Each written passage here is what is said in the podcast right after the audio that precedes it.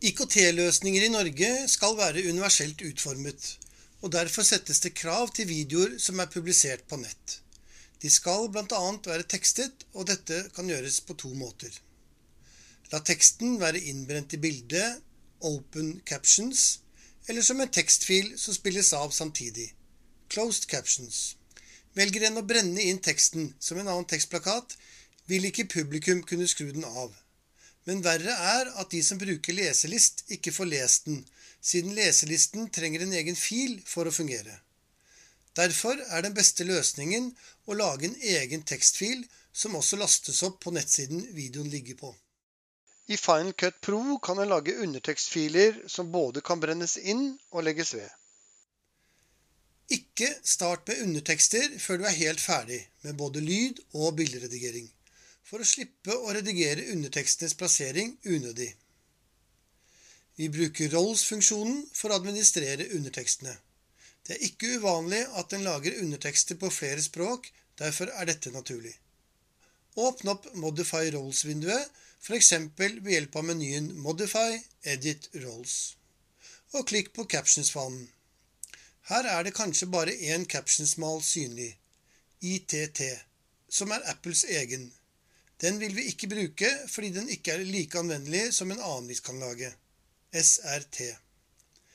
Klikk på plusstegnet ved caption roll for å lage en ny rolle.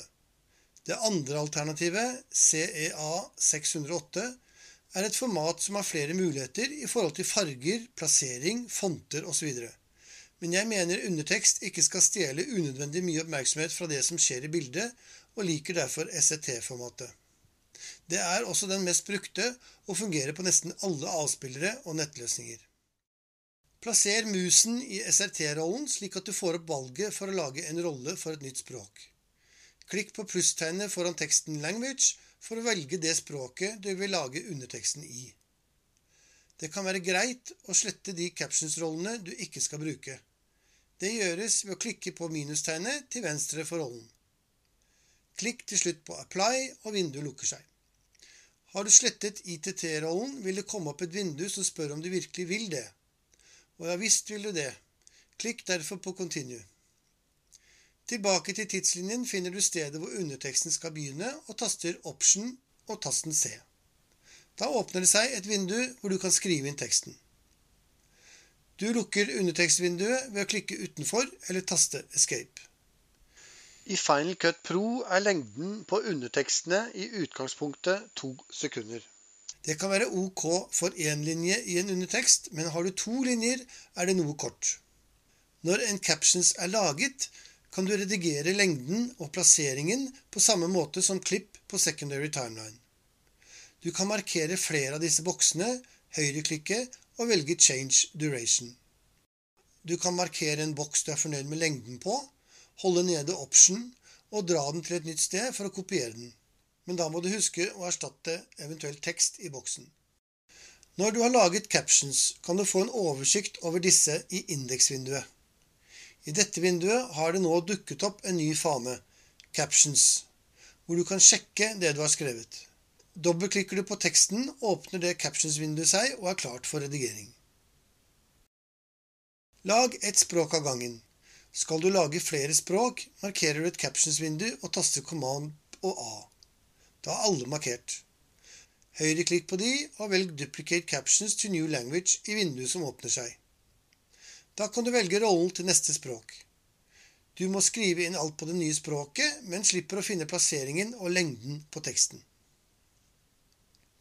Når du skal eksportere undertekstfilen, kan du gjøre dette på to måter. Skal du bare eksportere underteksten, går du til menyen File, Export Captions. Da åpner et vindu seg hvor du bestemmer hvilke språk som skal eksporteres. Ett eller alle. Du får valget mellom Relative to Timeline eller Absolute. Dette er bare interessant i de tilfeller hvor du har satt en annen starttid på tidslinjen enn null. Include formatting er viktig hvis du har formatert noe av teksten. Det andre måten å eksportere på er via share-funksjonen. Da gjøres dette sammen med videoen. I eksportvinduet klikker du på Rolls-fanen, og her kan du velge 'brent inn i videoen', noe vi altså helst ikke gjør.